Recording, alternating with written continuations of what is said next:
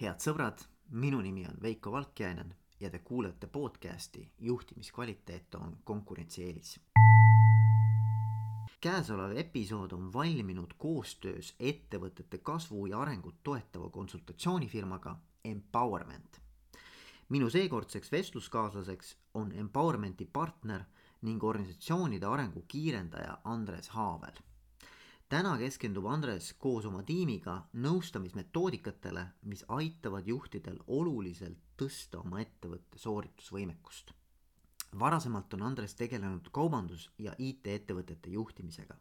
ta on aastaid juhtinud juhtimisinfosüsteeme ehitanud meeskondi, muuhulgas EMT-s, tänane siis Telia, Eesti Energias, Swedbankis ja teistes suuremates infrastruktuuriettevõtetes. siinses pooleteisttunnises sisutihedas mõttevahetuses räägime Andresega nii ühe kui teise nurga alt juhtimissüsteemidest, mis põhinevad üldinimlikel väärtustel ja loodusseadustel ning mis on meeskondades lihtsalt rakendatavad, parandades, kordades meeskonna sooritusvõimet. kui see teema nüüd kõnetas ja sul tekkis soov oma meeskonnas muutusi ellu kutsuda ja kiiremini kasvuni jõuda siis Andres on kõigile tõsisematele huvilistele valmis pühendama tunnikese oma ajast tasuta konsultatsiooni näol. nii et võta temaga julgelt ühendust, kontaktid leiad veebiaadressilt empowerment.ee. soovitan, head kuulamist. tere, Andres. tere. et kõigepealt mul on hea meel, et sa võtsid selle aja mm., et minuga kokku saada, rääkida empowerment'ist rääkida, juhtimisest rääkida, iseendast äh, ja üleüldse laiemalt, äh, et mis sina näed, et on juhtimiskvaliteedi tagamisel nagu oluline. et äh, sa oled olnud ise, ma ei tea, üle kümne aasta erinevatel juhtivatel kohtadel, eelkõige vist IT-valdkonnas. ei, ma olen iseenesest, olen taustalt õppinud ütleme kaubanduse juhtimist ja ma olen Äh, ütleme siin Coopi eelkäies äh, olnud siis äh, nii kaubanduse juht kui ka siis olen juhtinud ühte tarbijateühistut. aga, aga IT-taust, kus sul on? IT-taust tekkis mul sellest, et kui ma töötasin kaubanduses, siis me ühel hetkel avastasime sedapidi, et kaubandus on hästi andmekeskne või data driven business mm. -hmm õigemini seal oli ka selles mõttes nagu oluline lahti mõtestada sedapidi, et, et müügiorganisatsioon või noh, kauplused, nad tegelikult, et kui me arvame, et nad müüvad inimestele kaupa, tegelikult nad rendivad oma pinda tootjatele Mm -hmm. et see on nagu businessi nagu, nagu olemas. sisu jah mm. -hmm. ja noh, teine asi, et kui sa hakkad sedapidi nagu mõtestama, siis sa pead esitama väga lihtsalt endale küsimused, et kes on mu kliendid, missugused on need tooted, mis neid huvitavad, kuidas ma neid tooteid välja panen sedapidi, et iga niinimetatud ruutsentimeetri pealt maksimaalselt palju tulu teenida. lihtne. Ju. lihtne, väga lihtne, tundub väga lihtne. Väga lihtne on ju, selles mõttes, noh, tänasel päeval ütleme, et mängureegel natuke muutunud, on ju selles mõttes, et meil enam ei ole nii oluline, ei ole riiulipind. vaid noh, tänasel päeval on oluline see, et kui palju mul on kliente ja kuidas ma nii-öelda päevast päeva seda kliendi väärtust kasvatan, on ju. Mhm ja kui mul on väga hea suhe kliendiga, siis on ja see on kõik data driven, et. et noh, ütleme, et võib-olla selle minu kaubanduskarjääri poole pealt on jäänud noh, ütleme võib-olla mõned siuksed huvitavad nimed nagu Eesti Kaubandusmaastikku nagu Maximarket ja Konsum ja siuksed asjad. Ja siis ütleme, et tol hetkel me töötasime siis väljagi sellist nii-öelda ketipõhist, ütleme sortimendipoliitikat, mida noh, tänasel päeval kasutatakse, uus nimi on category management on ju. Mm. -hmm.. ehitasime üles turundust selles mõttes, et kus oli mitte see asi, et kaupmees ei maksa turunduse eest, vaid tootja maksab turunduse eest, ehitasime neid põhimõtteid ja reeglistikke, nii et, et see oli see maailm. Ja, ja edasi liikusingi siis sedapidi, et kuna seal olid väga võimsa, palju andmeid ja kui sa oskasid neid andmeid kuidagi käsitletavaks muuta, et mille alusel teha otsuseid, et kas üks või teine toode ütleme, et võtta müüki, kuidas teda positsioneerida, missuguseid sõnumeid saata, kuni selleni välja, et kuidas teha selliseid kampaaniaid, et hoida ära äh, poodi tulemas sellised inimesed, kes ostavad ainult ühe asja. no okei okay., väga huvitav. sest huvitav. nemad ju ummistasid kassa ära ja nemad ütleme kulutasid põrandat ka no see on siis kliendi käitumise ökonoomika või noh, mis iganes no, see on jah. me võime nimetada kuidas tahes, aga sealt ma sattusin siis andmeladade juurde mm. -hmm. ja siis äh, ütleme, et äh, töötasin proeksperdis ja töö, kasvatasin üles ärianalüüsi valdkonna meeskonna. kes siis ütleme, et ehitas päris äh, huvitavaid süsteeme. et seal oli mul hästi tore nagu meeskond, kes ühel hetkel sõnastas enda jaoks meie meeskonna missiooni. ja missioon oli hästi lihtne. läbi ilmvõimatute projektide tagada meeskonna liikmetele ilmvõimatu areng või suurepärane areng ja nii kui me panime selle paika, et olime siin Vikingi külas, siis ma mõtlesin, noh õudne naljakas on ju, kuidagi lohisev ja selline asi. aga siis tuli mu juurde mu hea kolleeg Liina ütles, Andres, sul läks elu lihtsaks, sul on Eestis nüüd kakskümmend viis klienti. ma ütlesin, kuidas kakskümmend viis, ta ütles, teiste juures ei saa teha huvitavaid projekte okay.. ja noh, selle tulemusel juhtuski siis see, et meie ärianalüüsi meeskond jah, me ainult äh, fokusseerisime kahekümne viiele äh, top Eesti ettevõttele, nad olid pangad, telkod ja suuremad infrastruktuuriettevõtted. ja noh, tulemuseks on see asi, et äh, võtame, et Eesti Energia eelarvestus, rahavoogude, teenuste omahinnasüsteem on selle meeskonna poolt välja töötatud. Selle süsteemi taga tol hetkel, kui me ehitasime, oli kolmkümmend kaheksa tuhat elavat projekti. sa võid ette kujutada. äge, jah. Swedbank Grupi eelarvestus, rahavoogude prognoosisüsteem, eh, kanalite omahinnasüsteem.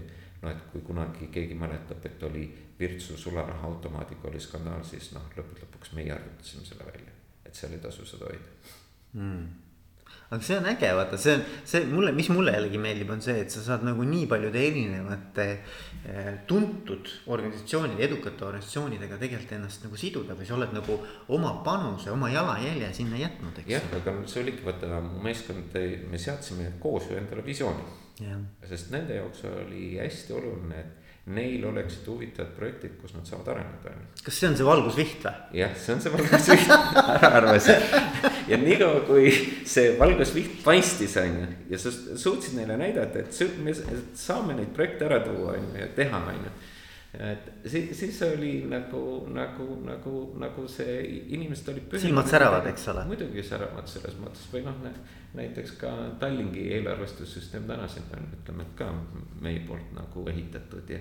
mis oli nagu vahva, et mõnikord meile seati enneolematuid tingimusi, noh näiteks selline asi, et kui me hakkasime pangale tegema eelarvestussüsteemi, siis oli küsimus et meil pidi meeskonnas olema inimene, kes on vähemalt kuues pangas seda teinud. okei okay päris keerukas jah mm. -hmm. aga noh, siis me juba, me suutsime ennast lahti mõtestada, panna toimima nagu organisatsioonina, et me oleme nii-öelda avatud arhitektuuriga organisatsioon. kes suudab väga lihtsalt liidestada õigeid kompetentse just siis, kui meil on vaja mm. -hmm. meil ei olnud vaja mitte inimest tööle võtta, vaid meil oli vaja inimeste kompetentsi. ja see ei ole vahet, kuidas sa inimest tööle võtad, kas töövõtulepinguga, töölepinguga või sa võtad lihtsalt teenuse ostad sisse mm. -hmm. aga sa pead olema mõtteviisilt valmis ja siis oligi näiteks see, et me võtsimegi sinna panga eelarvestussüsteemi loomisel leidsime inimese, guugeldasime ja leidsime Paul Panteri Ameerikas, Chicagost. Täna siin saame hästi temaga läbi. Ta oli vahva mees, kahjuks ta ei ole Tallinna vanagi jõudnud, Riiga on jõudnud.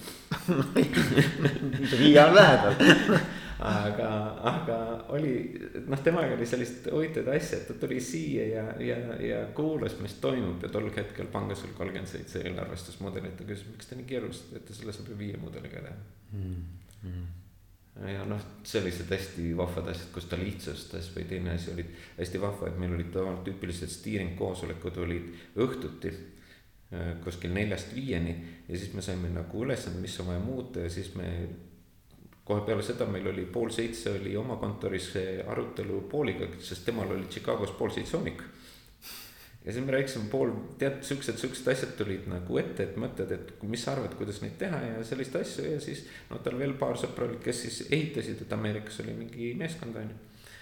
siis eh, nemad tegid eh, selle asja ära ja hommikuks me saatsime panka lahenduse ja ütlesime, et eh, kuusteist tundi. ülikiire, ülikiire kuusteist tundi, pank ütles, ei ole võimalik. Te käisite eile õhtul koosolekul, hommikul kell üheksa saadate vastuse, nüüd tahate öelda, et olete kuusteist tundi nagu tööd teinud, siis vahel pole isegi kuuteteist tundi mm. -hmm. aga noh, see juba näitas sedapidi, et tol hetkel oli juba neid asju nagu võimalik teha mm. -hmm et noh, iseenesest need olid nagu need asjad, et tegelesin juhtimisinfosüsteemidega mm. -hmm. et aidata siis juhtidel võtta, ütleme vastu õigemaid otsuseid ja noh, ütleme juhtimisinfosüsteemi eeliseks või eesmärgiks on see asi, et aidata kiiresti juhtidel saada ülevaade, kus suunas me liigume, seal pole see kopikatäpsus nii tähtis ja mis noh, sealt nagu ma siis avastasin siukest vahvaid asju, et kui me ehitasime tõesti keerulisi ja suuri asju, siis mingil hetkel lõi välja selline huvitav nagu pool. et inimesed arvasid, et juhul, kui meil on töövahend, see lahendab probleemi ära, tegelikult on töövahend on triviaalne. primaarne on mõtteviis, mindset. Mm.. teine on siis knowledge'et ehk teadmised ja oskused ja siis on nimetatud, ütleme, töövahendid. ja ma nägin sedapidi, et kus me oleme ehitanud suuri süsteeme ja nägin, kuidas sisendit ehk andmeid ikkagi sisestatakse ja juhid ei nõudnud sealt distsipliini. Mm.. siis noh, sealt ma nagu sattusin siis juhtimise poole pealt, et tänasel päeval ma tegelen rohkem, minu ülesanne meie ettevõttes empowerment on mindset mu head partnerid tegelevad siis ütleme knowledge set'iga ja siis meil on olemas hulk selliseid häid nagu toolset'e, mis aitavad, ütleme, tunduvalt äh, kiiremini ja lihtsamini juhtidel rakendada siis äh, soovitavad nagu muudatusi organisatsiooni käitumises mm. -hmm. ja eks see mindset'i teema ongi nagu võib-olla kõige keerukam muuta. Jah, selles mõttes, selles mõttes. tööriistu võid ju visata ette küll, aga et selles mõttes, et eh, ega need, neid, neid nagu naljalt nii-öelda ei juurdu, kui, kui sul ei ole seda õiget paradigmat või seda õiget nii-öelda nagu lähenemist. me, me noh, nii-öelda nagu mindset'i mõttes just mm. -hmm. jah, selles mõttes, et öeldakse, et käitumist ja harjumust on raske muuta mm. -hmm. mõtteviisi kolm korda raskem mm. -hmm. ja sest, et see on see alus tegelikult iseenesest ja, ja. aga noh, ütleme, et äh, samas ei ole ma nagu inimesi maha kandnud, et ma näen sedapidi, et inimesed ikka mõtteviisi ikkagi päris kiirelt muudavad noh, et võtame kasvõi see, et mul on siin laua peal üks vahend, mis ei ole üle viieteist aasta vana, on ju. Mm. kaks tuhat seitse tuli sihuke asi välja, päris, tegelikult kui hakkad mõtlema, siis alles hiljuti enam ei kujuta oma elu ja ilma ette. jah, aga kujuta ette, et iseenesest tollest hetkest ju tekkis võimalus meil hakata efektiivsemalt ju juhtima kaugtööd. vahend oli olemas viisteist aastat ja täna me alles hakkame lahti mõtestama, mis asi see tähendab, et kui palju see aitab meil kokku hoida sellist asja, et kasvõi see, et võtame Eestis, kui palju inimestel kulub aega selle jaoks, et hommikul sõita kodust tööle. Nojah, no ikka võtab, ikka, ikka ma arvan, noh, oleneb, aga võtab ikka jah. aga no me, palju inimest sõidab ja kui palju sõidab, on ju, kui sa võtad need tunnid kokku, see on ju inimeste elu, ma arvan, et iga päev me sõidame ainult tööle ja tagasi, ma arvan, mingi nelja või viie inimese eluea ära. Mm.. No kindlasti jah, kui hakata arvutama, ma arvan, et tuleb küll. või võtame, mul hea sõber ütles sedapidi, et töötab rahvusvahelises organisatsioonis ja siis tal oli üle nädala oli koosolek oli Edinburgis. no jah, jah. ta ütles, et tal läks kolm päeva selle jaoks jah, noh, ei nõus. tunniajaseks koosolekuks. nõus, nõus, nõus. ja, ja noh, et need on nagu, nagu sedapidi, et ja kui me hakkame samamoodi mõtlema, et meil on võimalik asju jaotada, liigutada, teha asju. jah, on olemas ka kohad, kus inimesed peavad saama puhtfüüsiliselt kokku mm. -hmm. Sest me mitte ainult ütleme, et visuaalselt ei vaheta informatsiooni või ütleme sedapidi, vaid on ka see asi, et teatud kohtades on see, et me peame hormonaalsel tasemel ka vahetama informatsiooni. see peab olema mingi hea kontakt ikkagi nagu ja, selles aga, aga öeldaksegi noh, selles, selles mõttes öeldakse, et kui ma tahan nüüd nagu inimesega suhteid luua, on ju, siis on see, et et kui me istume üksteist kolmekümne sentimeetri kaugusel, siis toimub selline hormonaalne ütleme vahe ja kõige huvitavam asi, see on need inimeste koostöö on suht-koht efektiivne mm. -hmm. nüüd, kui me ehitame sellist asja nagu, et paneme nad istuma üksteist meeter kahekümne kaugusel, siis juhtub see asi, et nende nii-öelda koostöö efektiivsus väheneb tihtipeale kaks korda mm.. siis, kui me paneme erinevatele korrustele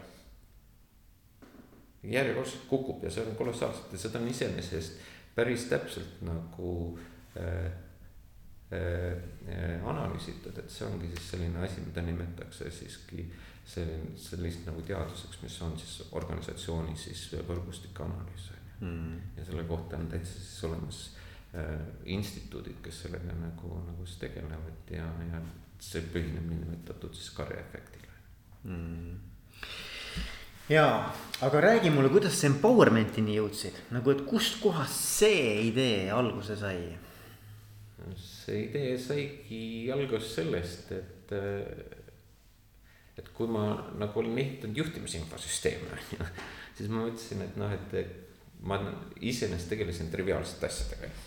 siis ma mõtlesin, et ma liigun nagu väärtusahelas ülespoole ja, ja Ehm, tekkis selline nagu missioon, et noh, meie esmane missioon oli ettevõttel ja täna on ka veel selline asi nagu tulemuslikkuse võimendamine. ehk idee oligi siis, et kuidas aidata eh, organisatsiooni juhtidel, ütleme, et võimendada oma inimesi, on ju, et kuidas läbi organisatsiooni võimendada üksikinimese tulemuslikkust kui ütleme, et ettevõttes kultuur puudub, siis me avaldub niinimetatud Rinkelmanni seadus, mille nagu sisuks on see, et kui me võtame inimesi juurde tööle, siis iga üksik inimese panus kogu aeg väheneb. Aga kui me suudame õieti seda asja organiseerida, siis tekib sünergia, et esimesel juhul on see, et üks pluss üks on väiksem kui kaks, teisel puhul on üks pluss üks on suurem kui viis mm. -hmm. ja see ongi see põhiline teadus ja noh, see teema tundus mulle huvitav ja teine asi, et me oleme mitte ainult, et mind teoreetiliselt huvitas, mind huvitas ka, kuidas seda praktiliselt rakendada mm. -hmm. ja noh, täna me võime öelda, et äh, meil on olemas äh, väga selged nagu tõendused, see asi nagu toimib. ja see asi ei ole väga keeruline. kui see enda jaoks väga lihtsalt lahti mõtestada mm, -hmm sa teed endale selgeks, noh et eh, eelmine nädal, kui mul oligi paares eh, selline esinemine, siis teemaks oli see, et kuidas uues reaalsuses hoida organisatsiooni kultuuri. see on selle jaoks, et hoida organisatsiooni kultuuri, me peame esmaselt esitama endale küsimuse, mis asi on organisatsiooni kultuur mm. -hmm. kui me ei tea, mis on ja kui me ei oska seda üheselt defineerida, siis on ju, kuidas me teda parandame või hoiame mm. -hmm tavaliselt äh, küsid inimestelt, siis nad hakkavad pikka juttu rääkima. me esitasime väga lihtsa küsimuse, esitasime inimestele, ütle kolme sõnaga. mis asi on, eks ole mm. -hmm. mis on mm, -hmm. mis on see konkreetne asi ja järgmine asi ongi siis see asi, et kui sa mõtestasid lahti, et lõppude lõpuks nad kõik ütlesid välja väga lihtsalt, et kultuur on meeskonna koostööreeglid. Mm.. hästi lihtne. Nüüd, kui me teame, et ahah, nad on koostööreeglid, nüüd me peaksime esitama küsimuse, mis on need kõige olulisemad reeglid, on ju. siis äh, läbi kahekümne tuhande aasta, kui inimesed tulid puu otsast alla ja siis nad avastasid sedapidi, et nad sattusid kohe hukamaailma hmm.. et tulid puu otsast alla, jooksis lõvi, sõi ära ja polnud, polnud ju kokku lepitud, et lõvi, lõvi tuleb, on ju. Hmm. ja siis nad avastasid sedapidi, et kui nad tahavad ellu jääda seal maa peal, on ju siis nad pidid eh, hakkama koostööd tegema. ja noh, koostöö algul oli ju väga primitiivne oli selles mõttes, et osad inimesed valvasid laagriplatsi, hoidsid lõket põlemas ja teised käisid jahil, tõid süüa mm.. Lihtne ju on ju mm. -hmm. ja ka nende jaoks oli see asi, et kes läksid jahile, oli ka vuka, sest nemad ei teadnud iga kord, et kas seal on antiloop või ei ole, on ju. Mhm, mhm. kogu aeg on vuka, üks paras vuka olnud nüüd me oleme selle nime andnud. nüüd me oleme lihtsalt teadvustanud on ju sedapidi, aga, aga, aga see ongi, aga siis noh, nad mõtlesidki välja, et on kolme tüüpi reegleid. et esimene reegel on see asi, et kuidas me seame eesmärke nii, et nad kõik innustaksid ja läheksid kokku kõikide väärtustega. Mm.. väärtused on need, kuidas me koos toimetame, noh, me ütleme tihtipeale, et väärtused ei ole mitte midagi muud kui liikluseeskirjad. Kujuta ette, kui meil liikluseeskirju ei ole, kas sa julgeksid oma autoga tänaval sõita? No tänapäeval on keeruline jah, kunagi oli ju ilma igasuguste. siis, siis oli, oli palju vähem autosid. oli, vähem ja oli, oli ka vähem jah, võimalusi ava-, siis ei olnud ka nii, niuksed kiirused ja nii edasi. jah, ja noh, auto ees jooksis teine vend on ju, kes siis, kui kaks autot said kokku, siis need omavahel leppisid kokku, kes läbi sõidab, on ju. aga noh, aga võtagi, et väärtused ongi need, mis annavad ettevõttele kiiruse mm. -hmm. kui meil on väga lihtsalt pandud paika, et üldised põhimõtted, kuidas me niinimetatud käituma erinevates olukordades, see annab kiiruse. ma ei pea minema küsima Veiko, et kuidas ma peaksin selle otsuse vastu võtma. lihtne selles mõttes. üks asi, mis mul on, Andres, nagu, et selles mõttes, et ma olen hästi sinuga päri. ma olen ise ka teinud selliseid töötubasid, kus pannaksegi meeskonnareegleid paika või ootusi üksteisele, eks ole.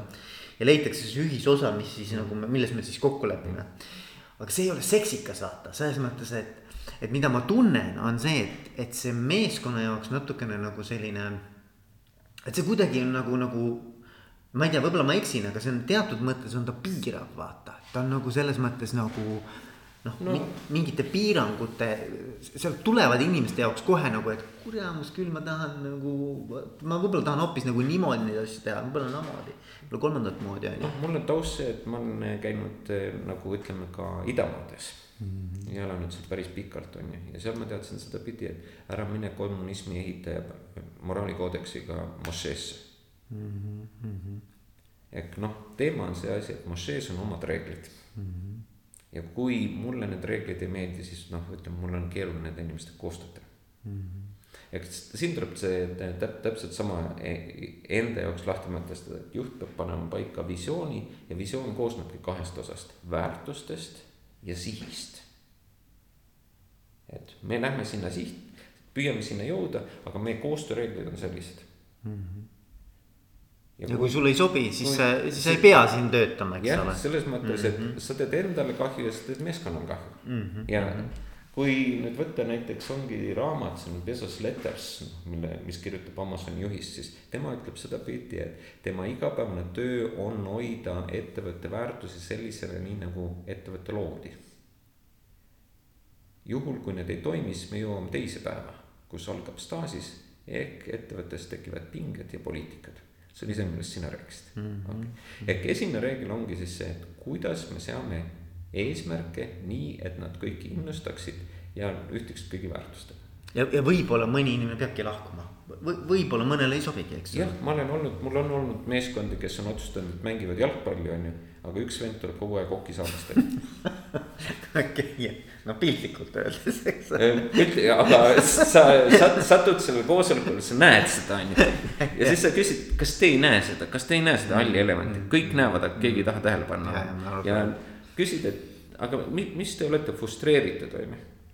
siis nad ütlevad, see vend ajab meist välja, on ju, ma ütlesin, miks te seda probleemi ära ei lahenda, seda pinget, on ju, okei okay.. et jah, et esimene kõige tähtsam asi ongi siis, et kuidas me seame eesmärgid nii, et need kõik innustaksid, läheks kõikide väärtustega.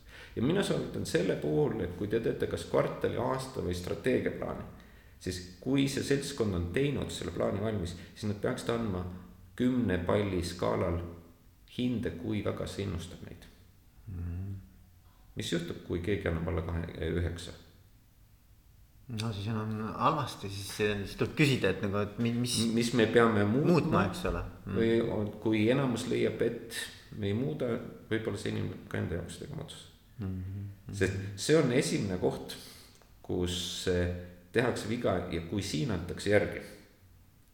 siis noh, ma ütlen, et see on nagu maja ehitamisel, kui vundament on paigast ära mm, -hmm.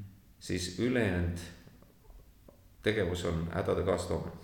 Aga kui sul omanik ütleb, omanik, me ei räägi juhist, me räägime omanik ütleb, et, äh, et see business ongi selline, et, et noh, siis, siis ei panegi inimestel silma särama. no ütleme, et äh, selles, selles mõttes, et see on ka nende inimeste valik mm. -hmm. et kas sa oled nõus olema pärisori või oled sa vaba Eesti Vabariigi kodanik yeah.. kui lugeda Eesti vabariigi loomisel kirjutatud manifestis, loe eelviimane lause välja, mis hakkab, et sul on antud ise õigus valida oma saatus.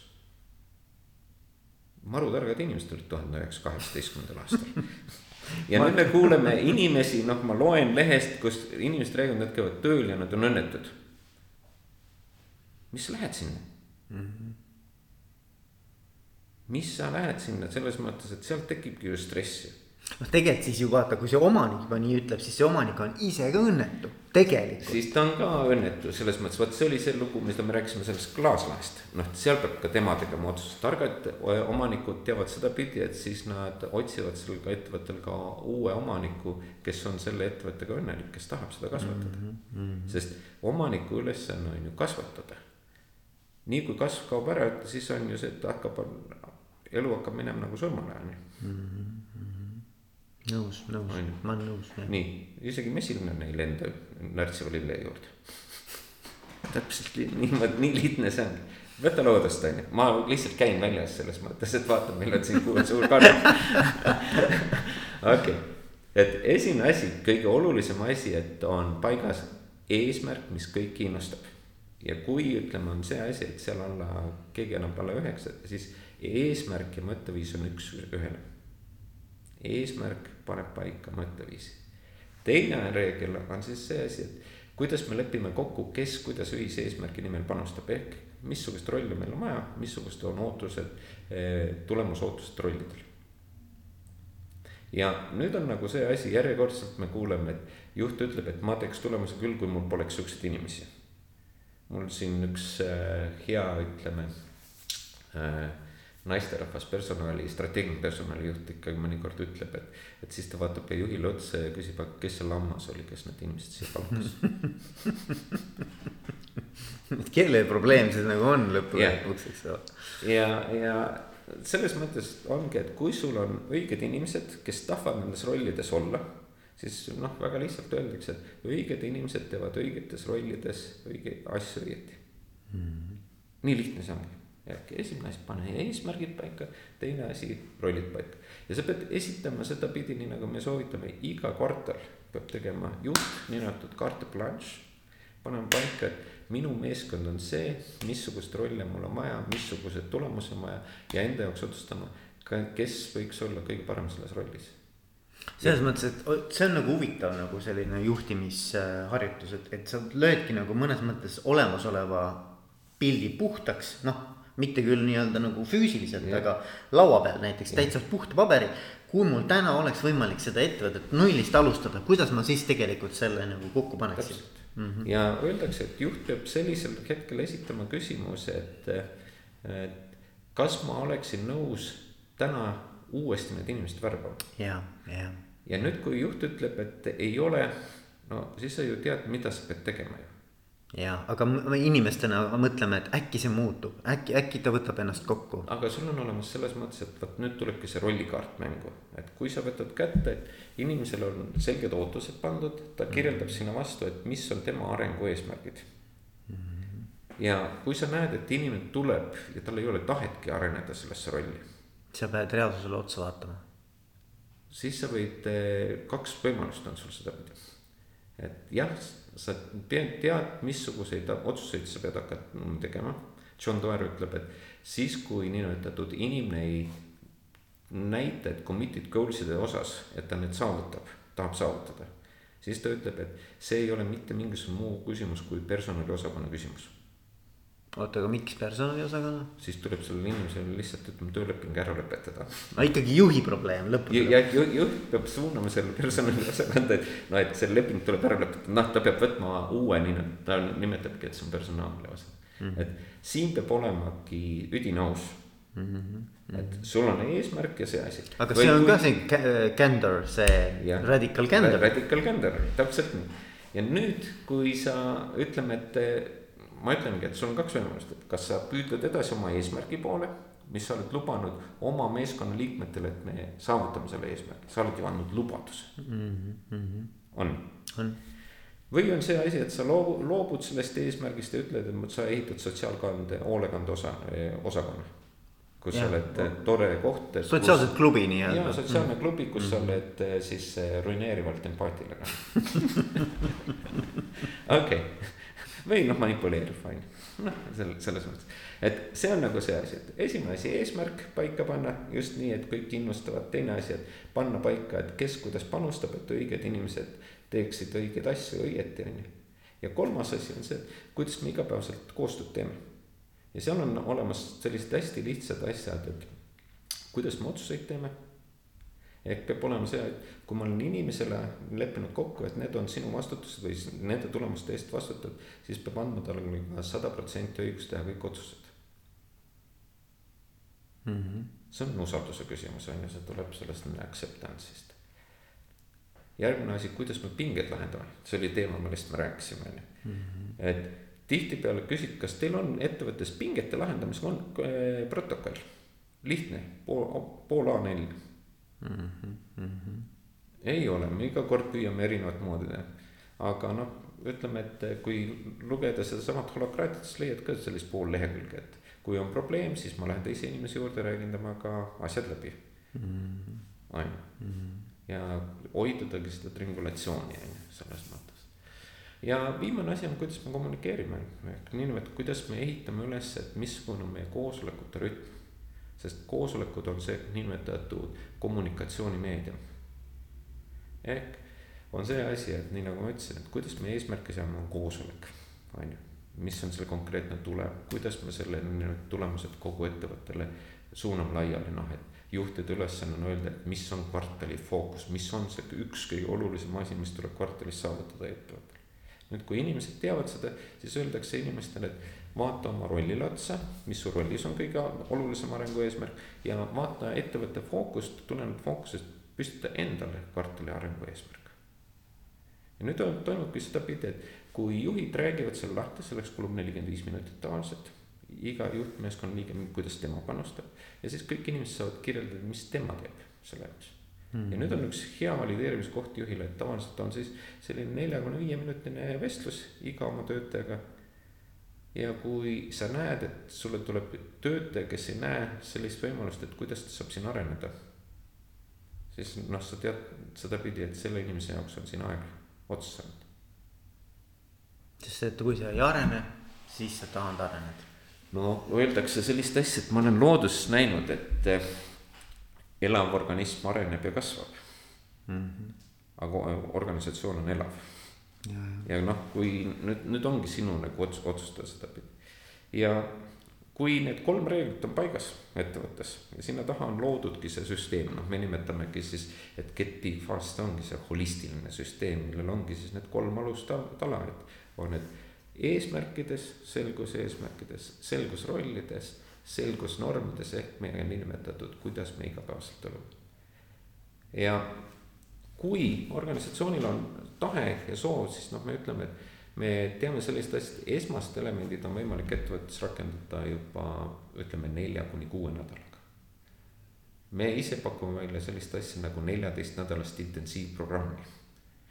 et kus iga nädal rakendatakse üks element, järgmised nädalad neid hoitakse kinni ja neljateist nädalaga on selline asi, et ettevõtte juhtmeeskond esimesena muudab oma kultuuri ära mm. -hmm. ja mis on nagu kõige huvitavam asi, juhtide niinimetatud käitumisest ja eeskujust nakatuvad teised, nii nagu meil siin koroonaga on ju mm. -hmm. ja kõige huvitavam asi, organisatsioon tuleb teisel ja kolmandal kvartalil järgi ise. sul ei ole vaja teha mingisuguseid kolossaalseid, ütleme, muudatusi, on ju. või noh, me ütleme, et mul ükskord üks kindlustusselts küsis, et kas te, Andres, sa aitad meil ka muutusi juhtida, siis ma ütlen, ma ei tea, mis asi on muutus, ma tean, et on ainult evolutsiooniline areng. kui te ise olete niinimetatud evolutsioonile arengule pannud tammi ette mm., siis mingil hetkel tulebki jõud, mis surub selle tammi katki, on ju. Hmm. ja siis tekib konflikt, on ju. nii et, et see on nagu, nagu see maailm, kus, kus me elame ja, ja, ja, ja noh, aitamegi juhte selles mõttes, kui juht ütleb ja tunneb, et ahaa, ma ei saa edasi minna mm. -hmm. siis ongi see asi, et ära otsi lahendust mitte kuskil mujal kui ainult meeskonnast. kas sul on õige meeskond paigas ja kas ta toimib meeskonnana õieti? ja minu arvates on ka see huvitav, et, et nagu, nagu me siin noh, ma arvan, mõlemad oleme nõus, et me saame ainult iseennast, eks ju, muuta yeah ehk et juhina ka sa pead nagu küsima, et mida mina enda juures saan muuta mm. -hmm. esimesena mm. -hmm. selleks, et ülejäänud kogu see ökosüsteem hakkaks muutuma, eks ju. jah, et selles mõttes peate läbi oma äh, käitumisega nagu näitama, et noh, praegune IBM-i uus juhatuse esimees varem töötas Red Hatis on ju. siis ta ütles, et kui sa otsustad organisatsiooni käitumistes mingisugust muudatust teha, siis oli tal nagu hea komme oli see, et esimesena katsetas ta enda peal mm. ja ütles, kui ta kuuendaks nädalaks ellu ja käitus selle järgi, siis ta hakkas teistele rääkima mm -hmm.. õigemini ta ütles, siis ei olnud enam vaja rääkida, sest teist. sest ta hakkab niikuinii, ta hakkab mm, -hmm. et see ongi, minu arvates on see nagu selline nagu ähm, eh, ühendatud anumate süsteem mõnes mõttes, eks ju yeah.. kui, kui kuskil on muutus, siis see tegelikult hakkab nagu ülejäänud süsteemi samamoodi nagu noh, see tasakaal muutub lihtsalt seal yeah. sees. selles mõttes on hästi huvitav, et endine Pfizeri te tegevjuht eh, Leandro Herrero on kirjutanud raamatu Viral Leadership, viiruslik juhtimine mm ja ta küsis oma äh, ütleme siis inimestelt, kes töötasid no, Pfizeri vaktsiini välja, on ju. et mm, -hmm. et kuidas viirused levivad, kas seal on äh, mingi matemaatiline mudel, on ju taga või selline, kas seda saab modelleerida. ja siis need teadlased vaatasid Herrerole otsa, küsisid, kas koolis pole käinud või? noh, nende jaoks see on täiesti lihtsasti modelleeritav. ja siis Herrero võttis kasutusele Pfizeris, võttiski siin on viral leadership, kuidas viiruslikult niinimetatud äh, juhtidagi sedapidi, et. ja noh, mis on kõige huvitavam asi, et noh, tänasel päeval Covidist me nii palju ei tea, on ju, aga noh, et gripi puhul me teadsime väga lihtsalt, et eh, nakkav oli see inimene, kes veel ei võidelnud gripi vastu, kes ei olnud haige. Kellel antikehast ei olnud jah. noh, et ütleme, et mm -hmm. nii kui sa tundsid, et sul tekkis palavik ja su organism hakkas võitlema mm, -hmm. see tähendas sedapidi, et su organism hakkas võitlema, aga nii kaua andsid sa sellele niinimetatud bakter või sa olid kandja, sa olid nagu edasikandja. Mm -hmm. ja täpselt samasugune asi nad ehitasid ülesse siis Pfizeris, et nad leppisid kokku teatud käitumisnormid. Nad otsisid üles need niinimetatud mõjuisikud, seda saab hästi lihtsalt analüüsida, kui keegi on huvitatud, siis me võime organisatsioonis selle kohe ära teha, et meil võimekus on olemas. sa saad teada, nende inimestega tuleb leppida kokku teatud käitumisreeglid ja siis tuleb nad lasta rahulikult organisatsiooni ja kui kolme nädala pärast juht. hakkab niimoodi levima. jah, kui läheb juht ja ütleb, et mul on sihuke idee, siis eh, enamustel kordadel meeskonnad räägivad sedapidi, aga me juba niimoodi toimetame, millest sa räägid. Mhm, mhm, on ju, ehk nüüd sa jõuadki sellest push efektist nagu pull efekti on ju. et tekib tõmme on ju, ja noh, see ongi see kogu aeg, miks, miks me siin nagu hullud kordame, on ju. et kõik hakkab sellest, kuidas me eesmärke seame nii et nad läheksid kokku kõikide väärtustega, väärtused ongi meie käitumine, on ju. Mhm. ja kui sa suudad siin särada, suudad inimesi kaasa tõmmata, siis sul oli see hästi vahva küsimus oli seal kirjas, et kui, kui te, mis teeb juhi, juhi edukaks, on ju. et noh, põhiline ongi valik, tahta olla see särav eestvedaja. et see on teadlik valik, eks ole. teadlik valik mm, -hmm. sest võta sedapidi ka, et maailmameistriks ei saada. see on ju valik. otsus. otsus, et mm -hmm. ma olen nõus nüüd pingutama mm. -hmm. on nii mm? -hmm. täpselt samamoodi, et kui ma tahan olla hea juht ja mul on olemas suur eesmärk, on ju, siis on olemas see asi ka, et see on ka valik, et teatud juhid ennast teadlikult arendavad, teadlikult õpivad teatud huvitavaid asju. just selle jaoks, et paremini mõista, kuidas nende inimesed toimivad, on ju. mitte selles mõttes nagu manipuleerida, vaid pigem just mõista. ja kui on nüüd ka juht võtab sedapidi, et tema poolt seatud eesmärk on ambitsioonikas ja aitab areneda nendel inimestel, kes sellega on tulnud ja juht toetab nende inimeste arengut siis need inimesed arendavad organisatsiooni, sest me teame ainult sedapidi, et organisatsioon kasvab ainult alt üles mm.. nagu taimgi, et ma ei ole näinud ühtegi taime, mis ei kasvab vastu valgust, kõik kasvavad valguspoole. see on järjekordselt, ma käin siin kogu aeg niidu peal vaatamas. Jah, ja siis, kui sa, see valgusviht. siis hakkavad ka ja nii, et kõikvõimalikud, noh, mitte ainult sääsed ja putukad, aga ka taimed hakkavad sinnapoole. taimed, inimesed täpselt samamoodi, et ega on ju, ju seda, sedapidi, et ma soovitan kõigil käia Rakveres, käia Rakvere piiskopi linnaosas, seal on ajalootuba. ja keerake seda Euroopa kaarti ja vaadake, kui tihti muutus Euroopa kaart tol ajal, mida see kaart näitab, on ju. Hmm. see on kolossaalne kiirus, on ju noh, et me praegu räägime, et vau, et kui me vaatame Fortune viiesajas, kuidas ettevõtted vahetuvad õudselt kiirelt. Euroopas riigid muutusid täpselt sama kiirusega.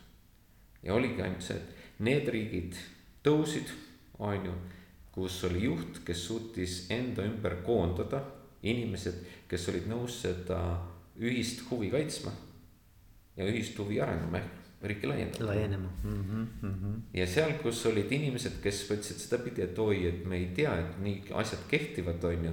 ja et nad püüdsid nii-öelda, võtsid kaitsepositsiooni, noh tavaliselt oli nendest sõideti üle mm. -hmm. et see on nagu selline huvitav asi jah, tihti me mõtleme veel teistpidi, et noh, see peab olema väga tugev, vaid pigem juhi puhul on ka see hästi oluline asi, et kui sul on eesmärk, siis sa ausalt nagu Elon Musk tunnistab, et ma tahan Marsile küll aga ma ei tea, kuidas sinna minna mm. -hmm. ja selle jaoks ma kaasangi inimesed, kes aitavad, see ongi ava-, ütleme julgus olla avatud ja näidata, et ma olen ka haavatav mm. -hmm. ja, ja et, et noh, ei arusaadav, et sa ei saagi kõike teada, sa ei saagi, üksinda ei olegi võimalik sinna jõuda, eks ole. ja sul ongi inimesi vaja ja sa ei peagi kõike, ei saagi kõike teada mm. -hmm. et äh, mulle meeldis, mul oli ka üks podcast oli, kus äh, Äh, koorus selline mõte välja, et, et noh, et, et kui tippjuht on oma laua taga kõige targem, siis ta on vale laua taga. et, ähm, et noh, targem selles mõttes, et äh, ma ei mõtle intellektuaalselt targem, aga ma mõtlen nagu igas valdkonnas, mis seal siis ärivaldkonnas, eks ole, et noh. jah, selles mõttes, et noh, vot see ongi just seesama asi, kuidas me otsuseid teeme, et kui sa oled võtnud nagu õiged inimesed endal meeskonda noh, et mhm. sa ei võta inimesi selle järgi, et sellesse rolli, kes on kõige kompetentsem, on ju mm. -hmm. siis tahes-tahtmata on kõige kompetentsem see, et kui on vaja teha selles valdkonnas nagu otsus, siis see inimene on ka kõige nagu otstarbekam. ma olen ühes Eesti suures infrastruktuurifirmas näinud sellist asja, kus oli kihvt tiim, kes mõtles välja ühe väga kihvti lahenduse mm. -hmm. ja selleks oli vaja teha kahe miljoniline investeering. ja nad ütlesid, et nad aastaga teenivad tagasi kakskümmend miljonit ja siis hakkas minema see otsustusrada, et kuidas see kahe miljoniline investeering saada.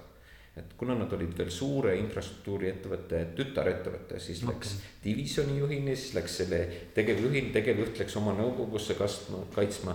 ja siis oli see, läks kontserni tasemele, kontserni juhatus tegi otsuse, kontserni juhatus läks nõukogusse, kus olid poliitikud ja siis tuli tagasi kolinal see jõudis esiteks otsustusprotsess oli kolm aastat või noh, kolm kuud.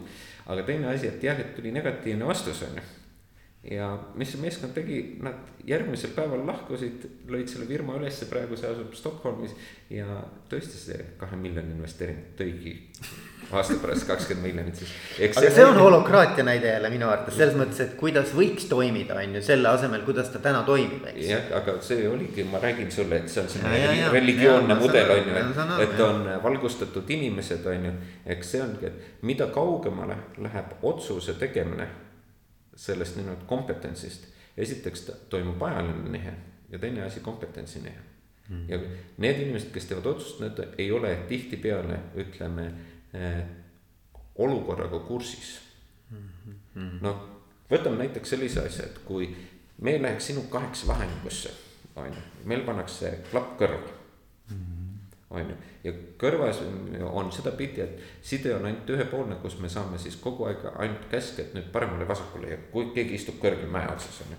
siis ma tean sedapidi, et nii kui sina kui mina, me oleme viieteistkümnendal sekundil surnud mm. -hmm nüüd, kui on olemas see asi, et äh, klapp pannakse äh, niinimetatud mute'i, noh, peaaegu. ja ainult sina niinimetatud kommunikeerid, et mis toimub ja ise võtad vastu otsuseid, sa tead, et sa pead mäe ära vallutama, sa tead, et kus on tulepesad. ja sa ise liigud, siis tead, noh, et mul on olemas ka praktiline kogemus on ju. siis tegelikult inimest nende lahinguolukorras maha lasta on peaaegu võimatu. ta on kuramus nutikas mm. -hmm. No, aga nii kui ta jääb seisma ja ootama, nüüd keerab paremale, on ju. nii ta on seisev objekt, on ju, hästi lihtne maha võtta. ja see ongi seesama, see holokraatia näide või noh, võtame linnuparve näide. Nad ju ka täpselt samamoodi, et nad tajuvad eh, oma kolme-nelja kaaslast külje peal mm. ja nad mm. lendavad selle järgi. ja siis on noh, ütleme juhtlind, kes siis noh, lendab instinkti poole ka sinna noh, lõuna poole on ju, noh. Mm. ja nad, kogu parv indikeerib endal lähi, lähimate asjade vastu on ju nii et, et äh, lõppude lõpuks võtame väga lihtsalt, et me oleme osa loodusest.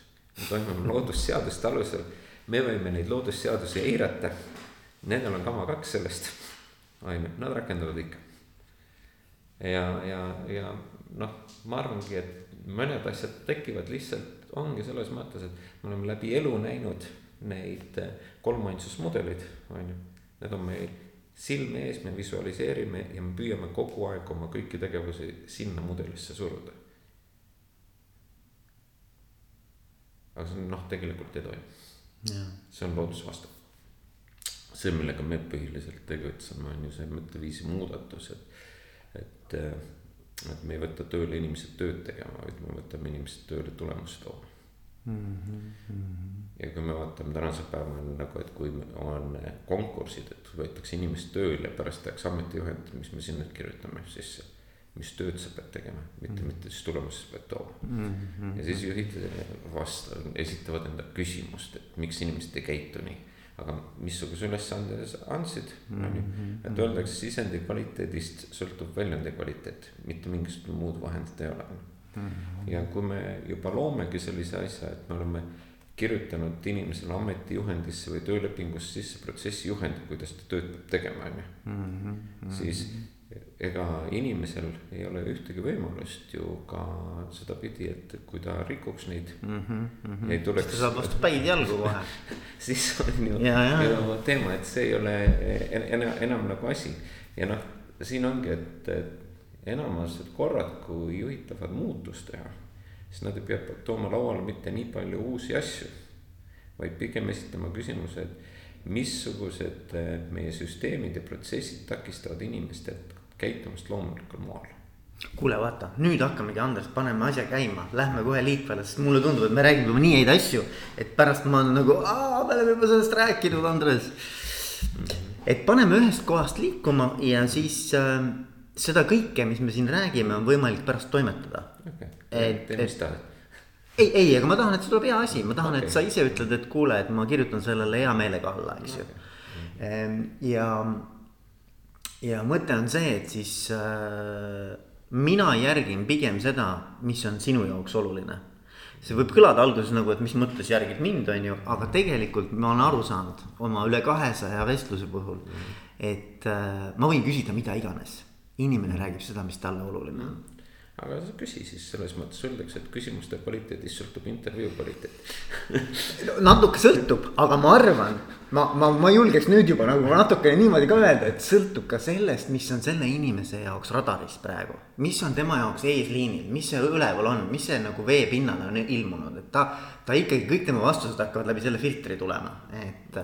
noh, ikka jah, selles mõttes et ikka on ju selles mõttes, et öeldakse, et inimene ei muutu, tegelikult inimene muutub väga palju mm.. on ju selles mõttes, et kui me paneksime kõik kirja, need asjad, mis me seadsime endale dogmad kaheksateistkümnendal eluaastal on ju.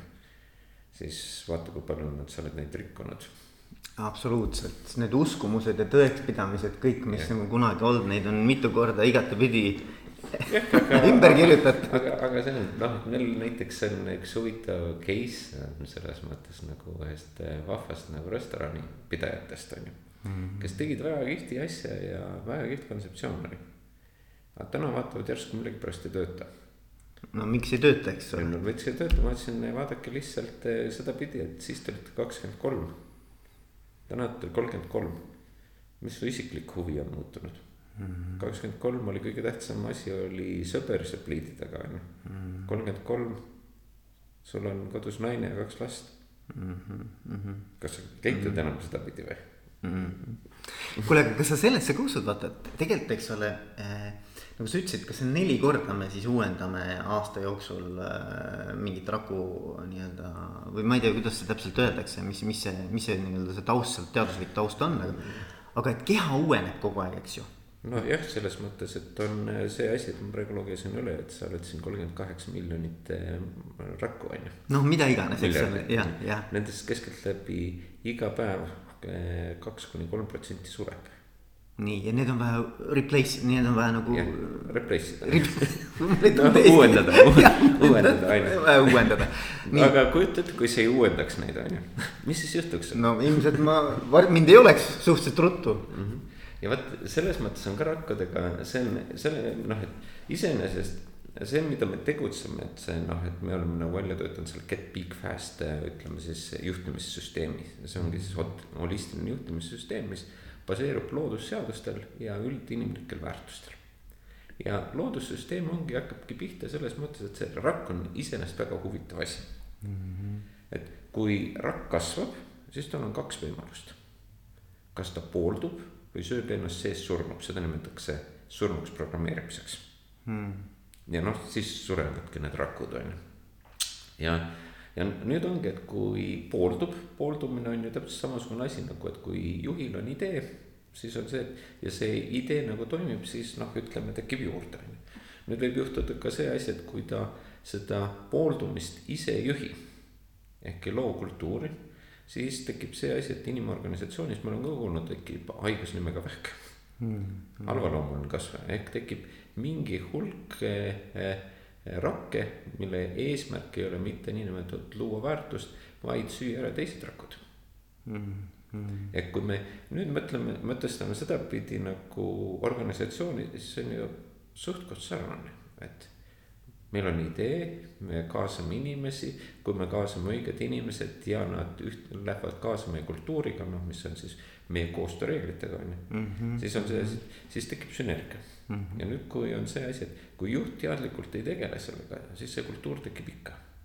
kultuur on niikuinii, eks ole. jah, kultuur, noh, me hakkame sinuga ka koostööd tegema, meil tekib ka kultuur. see on meie koostööreeglid on ju, et mhm. kuhu me tahame koos jõuda, lepime kokku, et mis on sinu panus ja mis on minu panus, on ju. me lepime kokku väiksed niinimetatud äh, reeglid, kuidas me siis otsuseid teeme näiteks. või kui meil tekib sinuga pinge, kuidas me nüüd lahendame mm.. või on see, kuidas me infot jaotame, on ju. Mm. noh, kahe-kolmekesises pole mitte midagi keerukat, on ju. Mm. aga kui meid saab viis, kogu aeg kommunikatsiooni keerukus kasvab, et, et siis tekibki nõnda, et sa võtad kaks ja mida rohkem inimesi, siis pane aste sinna peale, siis sa tead, kui mitu mm., mitu suhet ja, tekib, on ju. ja kui sa seda suhteid ehk kommunikatsiooni ei juhi, noh, siis ongi see asi, et organisatsioonis suur osa energiast lähebki nii-öelda pingete juhtimisele mm. või sõltuvuste juhtimisele mm. -hmm. ja noh, kaasaegsed juhtimisteooriad ongi siis läinud sedapidi, et kui üheksateistkümnes, kahekümnes sajand oli juhtimises seatud üles selle pidi, et otsida efektiivsust selle järgi, et me püüame kõiki asju ette ennustada ja kõiki asju protsessidesse panna. ja siis tulid välja siuksed vahvad nagu, nagu juhtimismeetodid tulid seal välja nagu Watergate ja siis, kui me tegime selliseid nimetatud äh, Microsoft Projectis ütleme siis äh, panime paika, et kui me teeme selle ära, siis juhtub see, siis juhtub no, see. see on sihuke jada, eks ole, sihuke waterfall ja, ja, ja, ja just, just, just. ja nüüd, nüüd ütleme, et, et iseenesest inimesed taipasid ära juba selle tuhande üheksasaja neljateistkümnendal aastal, et see tööta. see oli endine Ameerika president Eisenhower, kes iseenesest oli ka armee kindral hmm.. ja siis ta on nagu toonud siukse huvitava fakti välja, et nad tegid ka plaani. Nagu Waterfall plaani on ju ja, ja lahingu jaoks mm -hmm.. ainult üks asi juhtus, et peale esimest lah-, lasku see plaan enam ei toimunud. tead, mis viga oli või? no elu ei ole, elu ei käi vastu, vastavalt plaanile ei ole, nad unustasid vaenlased kokku leppimast, et vaenlane selle plaani järgi käitub aa ah,, okei okay,, okei okay. ja no ikkagi elu ei käi vastavalt plaanile, eks ole. ja, ja, ja nüüd nagu, nagu juhtubki see asi, et kuna ei tutvustatud, siis kogu staap ülejäänud aja ütles Eisenhower ei saanud enam noh, normaalselt nagu tegutseda väe juhtimiseks, sest staap tegeles kogu aeg plaani ümberkirjutamise ehk sõltuvuste juhtimisega mm. -hmm. siis tänase päeva siis agiilsed meetodid on läinud selle peale, et kogu energia ehitatakse üles sõltuvuste elimineerimisele ehk kui ma ütlesin, et me oleme tänasel päeval enda ettevõttes suutelised eh, eh, kolme minutiga ära kaardistama suvalises organisatsioonis, kui mitu protsenti nad oma energiast panustavad väärtuse loomisele, kui palju oma sisemistel pingetel. Eh, me tegime üle-eelmine nädal Paares tegime tegime ühe esitluse ja siis me küsisime, seal osales ligi üheksakümmend personalijuhti ja esitasime selle küsimuse. ja siis me saime seda pilti, et Eesti keskmises organisatsioonis kakskümmend seitse protsenti ettevõtte energiast kulutakse väärtusloomisele ja ülejäänud kuuskümmend kolm kuule. sisemiste pingete lahendamine. jah, organiseerimisele sellistele kuule, see on üli, ülipõnev teema selles mõttes, Andres, et, et ähm, äh, kas sa oled nagu sellise juhtimis, ma ei tea, kuidas seda nimetada, praktika, filosoofiaga kokku puutunud nagu holokraatia no kui vaadata rahvusvahelist holokraatia organisatsiooni ja siis küsida, et kes Eestis on ainuke organisatsioon, siis avastate, et see on Empowerment, kes seda. okei okay,, väga äge, väga äge, vaata, okei okay,, sest et ähm, mind on see hästi kõnetanud mm. -hmm. ma olen seda Brian Robertsoni, kes on selle asutaja, eestvedaja mm, -hmm. see Holocracy Money mm -hmm. juht teda nagu väga palju uurinud ja mul tuleb muide neljapäeval temaga podcast mm. -hmm Ehm, ja, ja, ja see, mida sa räägid, on hästi nagu, hästi nagu samasse auku vaata, sest et nemad räägivad ka sellest, et on mingid pinged mis inimestes tekivad mm., eks ole mm,. Nemad nimetavad seda tensions. Tensions just mm. ja et see on nagu see näidik, et midagi ei ole päris õieti, eks ole, et kuskil tuleb midagi muuta mm.. ja siis nüüd, mis on see tavapärane viis, kuidas seda tehakse, on see, et üks on, kas paneme silma kinni mm. -hmm või teine variant on see, et see hakkab tohutut sellist nagu bürokraatlikku masinavärki nagu läbima, eks ole, või sa pead hakkama mingit poliitikat, organisatsioonipoliitikat mängima seal. kellega sa mida pead tegema, et seda muuta või ühesõnaga, et. no aga see on, ütleme selles mõttes, et kui sa saatsid mulle kirja, et mis teeb inimesest eduka juhi, on ju. Mhm. siis ma ütlen, see on valik. ja valik on ka, et kas sa tegeled poliitikaga või tegeled sa sellega, et sa loodki niinimetatud visiooni, mis kõiki innustab valid endale meeskonda õiged inimesed ja ehitad üles süsteemid ja protsessid, mis laseb neil iseseisvalt toimetada mm. -hmm. kui sa, kui sa sellise asja lood, mis ta nimi on, kas holokraatiline süsteem või, või noh, ma ütlen, kogu loodus areneb selle vastu ju mm. -hmm.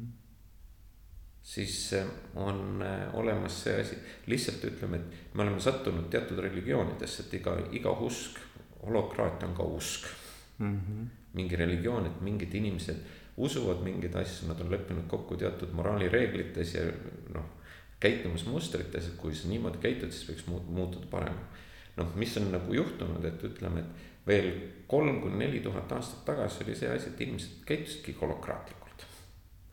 Aga siis tekkis see asi, et me hakkasime eh, otsima lahendust, kuidas teisi inimesi juhtida meil oli vaja võimustada teatud inimesi ja siis me kirjutasime religiooni sisse ehk me jumaliku kolmainsuse. ehk organisatsiooni hierarhilise mudeli, väga lihtne.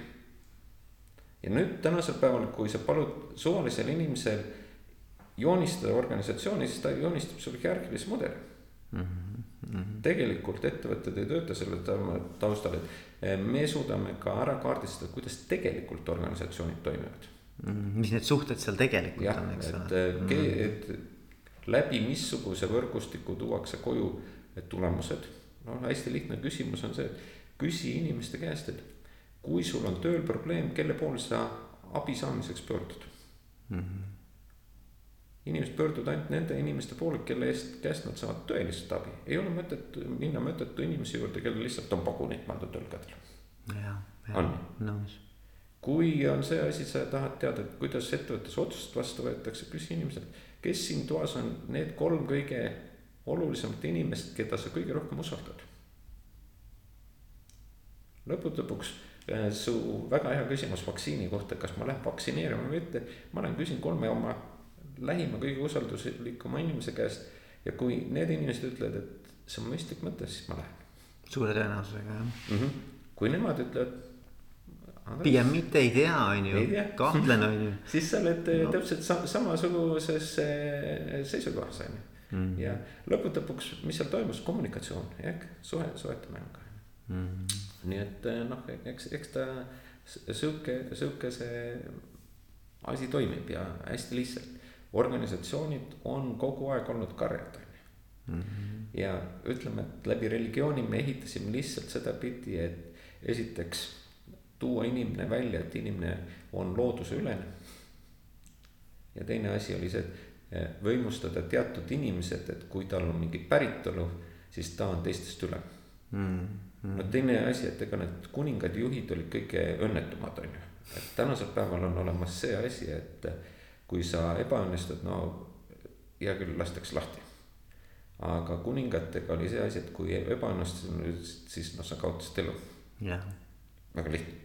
eksistentsiaalne eksistentsiaalne ja selles mõttes, kui me vaatame ka neid inimesi, kes on olnud kuningad, on ju, ja vaatame nende päevaplaani, siis me näeme sedapidi, et nad ikkagi ärkasid hommikul viiest üles, töötasid õhtul kella üheteistkümneni, sest vastutus on nii suur mm.. Nad pidid kandma suurt pilti ja miks oli siis ka see asi, et on hästi huvitav näiteks, kui minna Vilnius Gedeminas lossi ja vaadata seal niinimetatud seda Poola äh,, Leedu vürstiriiki ja need, neid kuningaid, siis järsku ühel hetkel avastad sellise huvitava asja, et kui kaua keskeltläbi õpetati välja kuningat, tead või? ma arvan, kogu elu ei tea. ei, no keskeltläbi oli see asi, et baasteadmised sai neljateist, viieteist aastaga. kui sa vaatad tänasel päeval meie keskmist ütleme töötajat või ütleme tead, tead, teadmistöötajat, siis ta on ju ka täpselt sama palju käinud koolis mm. -hmm. et nad on samamoodi valgustatud, on ju, ja noh, ega mingil hetkel oli tähtis ka religioon selle jaoks, et organiseerida koostööd ja et teatud need inimesed, kes nägid suuremat pilti ehk oskasid vaadata, kellel oli antud rohkem teadmisi, siis noh, nende kätte siis toimuski see otsustus. mis on nüüd nagu toimunud üheksateistkümnendal ja kahekümnendal sajandil, järsku neid valgustatud inimesi sai palju rohkem. ja teema on see, et nüüd, kui me püüame sedasama tsentraliseeritud ütleme, mudelit teha, et koondada sedapidi, et kellegi kätte informatsioon, kes peaks selle läbi sünteesima, siis pakkuma välja otsuseid. Siis see on muutunud nagu takistuseks, on ju, nüüd me peaksime käituma hoopis teistmoodi, et on see, et on olemas tõesti juht, juhi ülesanne on luua valgus hmm.. siht. jah, siht selles mõttes, et loodus ka tead sedapidi, et paned öösel, paned lambi põlema, mis juhtub hakkad nägema. üks asi hakkad nägema, aga kõik putukad tõmbavad sinna. seda ka jah, jah. ja ega me oleme ka loodes sedapidi, et kui on ambitsioonikas siht, siis me ju kõik tahame seda mängida ju. -hmm. kui sa olid eh, väike poiss on ju ja olid mingis hoovis, siis oli hoovis tavaliselt ikka üks-kaks poissi, kes olid siuksed nagu kambajuhid on ju. -hmm. sest neil oli siht, nende koos tahtsid kõik mängida mm. -hmm noh, siuksed arvamusliidrid või noh, natuke siuksed nagu eeskuju või midagi sellist, eks. jah, aga vaata, nad võtsid ette kogu aeg mm.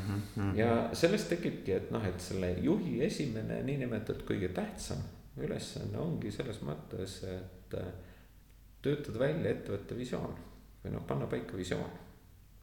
kuhu poole me liigume mm. -hmm. ja see peab olema nii ambitsioonikas, et äh, kõik need paremad selle ala spetsialistid tahaksid sinna juurde tulla mm. -hmm noh, et kujuta ette, kui me teeme, otsustame Veiko, et me hakkame nüüd korvpallis nagu mängima Eesti kolmandas liigas. no me, me muidugi kumbki ei ole nii no, me looduse poolt ei ole antud. ei, no aga no mis siis on ju, et me otsustame on ju ja ütleme, et väga kihvt ja teeme turundust ka on ju ja siis ütleme, mängime kolmandas liigas ja siis saadame Michael Jordanile ja kõikidele tippudele ja saadame kutse, et te võiksite meie klubiga ütleme liituda no me võime neile maksta ka, aga nad ikka ei viitsi selles mõttes, et nemad on seadnud sedapidi, et nemad mängivad maailma parimas klubis sellepärast, et see neid arendab mm. -hmm.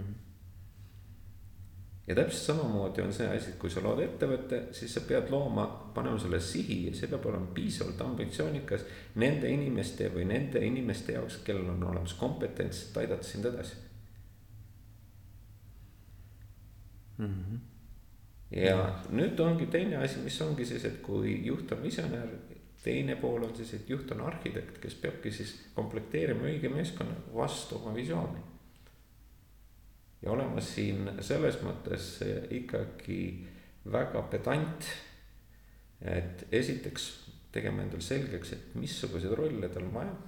ja siis nagu korvpallimeeskonnas on see asi, et ei võeta lihtsalt korvpalluri vasak äär tööd tegema vaid on paika pandud ju väga täpselt, et missugune resultatiivsus sellel inimesel peab selles positsioonis olema, on. on. aga kuidas me tööl teeme? nojah, keeruline, ütleme, et seal ma olen ise ka ju personalivaldkonnas hästi pikalt töötanud, eks ole, et, et eks ta on natukene see küsimus, et seal on, tegelikult on seal kõiki variante, aga, aga mis nagu võib-olla äh, on keerukas, on see, et sa ikkagi äh, nagu kirjeldad pigem mingisugust rolli nagu ülesannete kaudu, mitte niivõrd nagu tulemuste kaudu, eks ole. jah aga, aga pigem ongi ju see asi, et vaata, et korvpalluritel, võrkpalluritel, jalgpalluritel me ütleme väga selgelt, et missugust tulemust me ootame mm. -hmm. ja öeldakse, seda asja saab juhtida, mida saab mõõta. kui mõõta ei saa, siis ei saa juhtida ka mm. -hmm. lihtne. ja nüüd ongi selles mõttes, et tulebki pannagi paika, mis on need asjad, siis ka on ka see asi, et inimesel tekib võimalus hinnata, et kui hea ma olen, kas ma olen A-mängija, B-mängija, C-mängija ja mis mina pean tegema selle jaoks, et saada A-mängijaks mm. -hmm. mis on, me oleme sellega andnud, sellega me oleme andnud sisendi selle jaoks, et iseõppivale organisatsioonile. kui inimene tahab seda rolli täita mm, -hmm. siis ta võtab ise endale vastutuse ja ise hakkab ennast täiendama õppima, on. on mm. ja mis on veel hea asi on, ütleme, et on selles mudelis on see, et kui need ootused on täpselt paika pandud, siis on ka see, et inimene saab ka ise otsustada, missugusel hetkel ta, kas see mäng enam teda ei huvita või ta tunneb, et ta ei suudagi saavutada mm. ja ta ise niinimetatud austuses organisatsiooni ja teiste meeskonnaliikmete vastu ka lahkub sellest organisatsioonist või, või redefineerib oma selle rolli, eks ole. või redefineerib või noh, on olemas ka see asi, et ta teab, et organisatsioonis on missugust teist rolli, et ta võib liikuda sinna. absoluutselt. selles mõttes, aga sellest hakkabki selline nagu osa pihta, mis on siis välja töötatud iseenesest Google'is, seda nimetatakse siukse metoodikast nagu radical candor, ma ei tea, oled sa. olen kuulnud, tean. see on see kimskoti mudel, et kus ühel teljel on siis ütleme nõudlikkus ja teisel on hoolivus on ju. ja nüüd, kui me oleme et me tahame olla radikal kandor, kandor on ju, siis me peaksime olema väga nõudlik, aga nõudlikkus hakkab sellest pihta, et sa oled väga selgelt väljendada oma ootused. missuguseid tulemusi sa ootad sealt inimeselt mm. -hmm. ja teistpidi see on ka hoolivus inimese vastu, sa oled aus. sest mis võtab inimestelt nagu tulemuslikkuse maha, on teadmatus. aga kui ma tean ja mulle jaoks on selge ja teistpidi juht on ehitanud hoolivustelje üles sedapidi, et ta tegelikult ka minust kui inimesest hoolib mm.. siis on see asi, et mis on, et sina hoolid minust, mina hoolin sinust ja vastutuseks saab ettevõtte pühendumise mm.. lihtne mudel on ju kui meil on ainult sedapidi, et me õudselt hoolime ja teeme võileibu ja paneme kase sinna kontorisse kasvama, on ju, siis seda nimetatakse sedapidi, aga tegelikult ootused jätame väljendamata, on ju mm.. siis seda nimetatakse selliseks asjaks nagu empaatiliseks ruineerimiseks mm.. kui me ei ütle ootusi ja me ei ole hooliv, on ju, siis on olemas, et eh, see asi, et mida nimetatakse manipuleerimiseks. ja kui me oleme ainult nõudlik ja me ei hooli inimesest, seda nimetatakse agressiivsuseks, on ju. Mm. et noh, see on sellised hea harjutus tavaliselt, kui me hakkame meeskondadega koostööd tegema, siis me näitame seda pilti me küsime, kuidas sa käituksid, kui sa oleksid rahvusvahelisel konverentsil ja sulle vastu tuleb inimene, kes on järgmine esimene ja tal on püksilupp lahti mm. -hmm. kas sa ütled või ei ütle? kas sa ütled või ei ütle -hmm. on ju. Mhm. aga kui inimesed tavaliselt kõik ütlevad, et ma lähen vaikselt ütlen talle, aga siis ütled, et aga nüüd mõelge tööle mm. -hmm. kuidas te tööl käitute ja mis on need olukorrad, et mm. -hmm. ja tihtipeale, kui me ei olegi niimoodi nõudlikud ja hoolivad aga me niinimetatud näeme tegelikult, et see inimene ei perform'i on ju. me kõik selja taga räägime, mis nagu juhtub, lõpuks me teeme selle inimese katki. nojah, et, et kõige hullem on see, kui sa ütled talle kümne aasta pärast, eks ole, et äh, sina oled esimene, kelle me siit koondame, sellepärast et tegelikult sa ei perform'i. aga ta, inimene pole kümme aastat teadnud, et noh, et nagu no headel aegadel võib juhtuda sellist asja. ja, ja, ja, ja selles mõttes, et, et on, aga, aga see, see on nagu selles mõttes teine asi, et ega seesama, see ootuste selge kommunikeerimine ja tulemustele suunamine, see on ka vajalik tänases nii-öelda uues reaalsuses, kus me, inimesed peavad iseseisvalt tööd tegema. ja vanasti oli noh, tihtipeale lihtne selline asi, et tulin tööle, ajasime juttu, otsustasime, mis päeva jooksul teeme, on ju. Mhm. tänasel päeval sa pead iseseisvalt tegema ja mis on kõige huvitavam asi, kui inimestele kommunikeerida ootused ja panna paika selline nii, väike kommunikatsioonirütm, et kuidas me teeme nädalas teatud check-in'id, kuidas me aru, on need niinimetatud discussion koosolekud ja kuidas me teeme nädalakoosoleku eh, kokkuvõtte. siis on see asi, et kui inimesel kulub selliste kommunikatsioonide peale üle kahekümne protsendi tööajast, siis noh, organisatsioon on katki hmm aga nüüd, kui hakata mõtlema, et ta saab kahekümne protsendiks selle hakkama, siis enamus organisatsioone, kes on suutnud selle rütmi nagu paika panna ja inimestel on selge teadmine oma ootustest, siis huvitav on see asi, et inimesed saavad nelja tööpäevaga iseenesest hakkama. seda on vist isegi, kas ei ole mitte katsetatud, eks ole? see on äh, katsetatud ja noh, ütleme, et kõige parem näide iseenesest on äh, võib-olla selle mõtteviisi muutusest on see, et Ernst Youngi üks haru Ameerikas, mis Los, Los Angeles, nad olid kogu aeg miinuses mm. -hmm. selles mõttes, et nad jälgisid vanu protseduure ja süsteeme näiteks sedapidi, et kuidas äh, äh, nendega ühinevad partner või ütleme, et pigem nad võtsid ülikoolidest inimesi, kuidas nemad äh, saavad niimoodi partneriks. ja siis neil oli kirjutatud ette kaheaastane programm, et mis koolitused, asjad peavad käima ja mis eksamid tegema mm. -hmm ja siis järsku üks inimene küsis, aga kas teil on vaja, et need asjad on tehtud või teil on vaja meie tulemusi. ja siis see inimene nagu diskuteeris ja siis leiti sedapidi, et paneme paika tulemused, mis on vaja saada ja noh, tulemus on ka teatud sertifikaadid ja asjad, mis sul peavad olema, mis eksamit teha on. ja anname igale ühele vabaduse, et ta ise otsustab, kui kiiresti ja kuidas ta selle läbi viib. siis varem oli see asi, et Ernst Youngil võttis see aega kaks aastat on ju mm. -hmm. siis kui kehtestati uus kord siis, üheksakümmend kuus protsenti läbis kolme kuuga. see on päris suur vahe ikkagi tegelikult. kolme kuuga, aga kujuta ette, et mitte ei olnud tähtis, et kui palju kulu oli, vaid tähtis oli see, et need inimesed hakkasid ju kolmandal kuul juba tulemust tooma mm, -hmm. mitte kahe aasta pärast mm. -hmm kas see on natuke seesama teema, vaata, no minu arvates see on see mõtteviisi küsimus ja üldse usu küsimus, et. et vaata, kui see ühe miili äh, neli minutit ja üks miil jooksus vaata mm, -hmm. et seda ei suudetud nagu kuidagimoodi alistada, seda nelja mhm. minuti äh, piiri ja siis, kui üks vend, Roger Barriston ma ei mäleta, mis ta nimi täpselt oli okay.. Ähm, selle asja ära tegi, siis järsku nagu kõigil noh, see lihtsalt see maailm ja uskumus nagu vajus kokku, eks ole, ja hakati järjest alistama nelja minuti piiri. tuli riburada pidi neid vendasid, kes suutsid joosta alla selle. aga võtame väga lihtsalt, et eh, järjekordselt eh, kuni ütleme teise maailmasõjani inimesed teadsid, et kõrgust on võimalik hüpata meeter kuuekümneni mm. -hmm. kui palju me täna hüppame? No ma ei tea, kaks, ma ei tea, mis see on, see maailmarekord. no kaks nelikümmend. midagi sellist jah. noh, et küsimus oli see asi, et, et see on ka tihtipeale, et kui me võtamegi, et ainult karjapoisse saab hüpata mm. -hmm. ja iga päev me nädalast nädalasse hüppame karjapoissi. aga kui me võtame endale sellise asja, et iga nädala lõpus esitame küsimuse, et mis läks hästi mida me võiks teha teistmoodi. siis ühel päeval me avastame rulli ja järgmisel nädalal avastame flopi mm. -hmm ja see on nüüd nagu kõige olulisem asi ongi ettevõttes ehitada sisse nagu süsteemid ja rutiinid, protsessid, mis on arengule suunatud ja üks kõige olulisem arengule suunatud protsess ongi, et kui mul on seatud tulemus, see tulemus on seatud väljaspool minu mugavustsooni. Öeldakse sedapidi, et kui tulemusi seatakse, siis öeldakse sedapidi, et pane endal tulemus paika, mis nõuab väga palju pingutamist ja siis taandada sellisele, tõsta ta nii kõrgeks, et su kindlustunne kahaneb viiekümnel protsendil.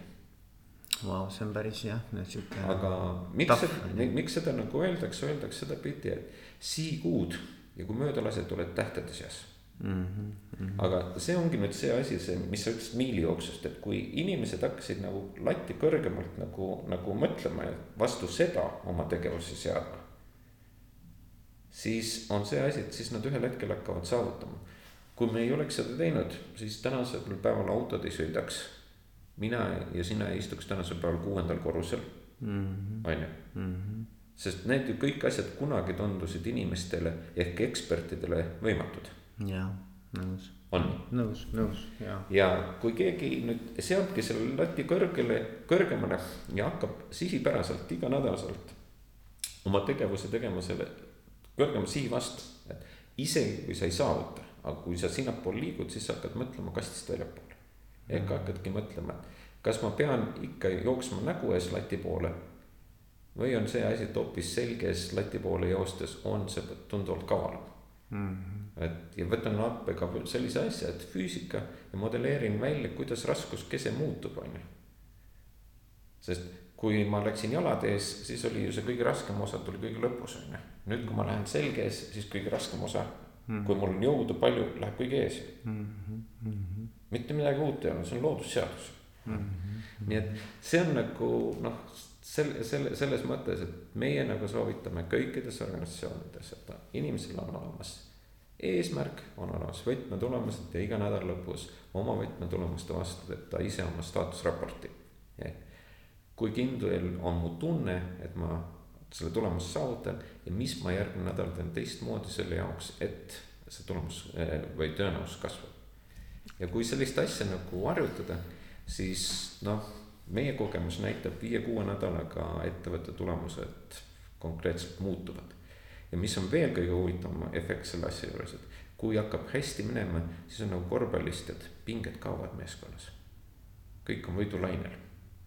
Ja see on, see on oluline jah. nii kui läheb halvasti, kuhu meie energia läheb? me hakkame, tegelikult see, me viimegi nagu sellesse ebaedusse ennast nagu ise, ise jääme kinni sinna. hakkame üksteisele näpuga näitama, et sina ja. ja mina ja mina ja see ja, ja siin ongi just see kõige olulisem see asi ka, mis juht peab nagu õpetama siis inimestele, et tuleb likvideerida see tringulatsioon. ehk ei saa olla, et kui meil eh, teeme koostööd, siis keegi kolmas on süüdi, on ju. Mhm, mhm kui ma näen, et mul ei toimi selle inimesega koostöö, siis ma lähen lepin temaga kokku, kuidas me saame seda teha, on ju. ja nüüd, kui tekib pinge, siis tuleb kohe võtta kokku see governance meeting on ju mm. -hmm. Governance meeting'u eesmärk ongi pinge eemaldamine, et kui pinge jääb organisatsiooni sisse, siis on see, see vähendab eh, tulemuslikkust on ju. ja noh, mis on nagu see suurim probleem ongi selles mõttes, et me oleme hästi tulemustele orienteeritud mitte sellele, et kuidas niinimetatud eemaldada takistusi. ja juhi ülesanne on jah, sellisel hetkel luua niinimetatud governance meeting nende kahe inimese vahel mm. -hmm. kus nad peavad omavahel niinimetatud leppima kokku või tegema leppe, kuidas nad koostööd teevad, et nende tulemuslikkus paraneks.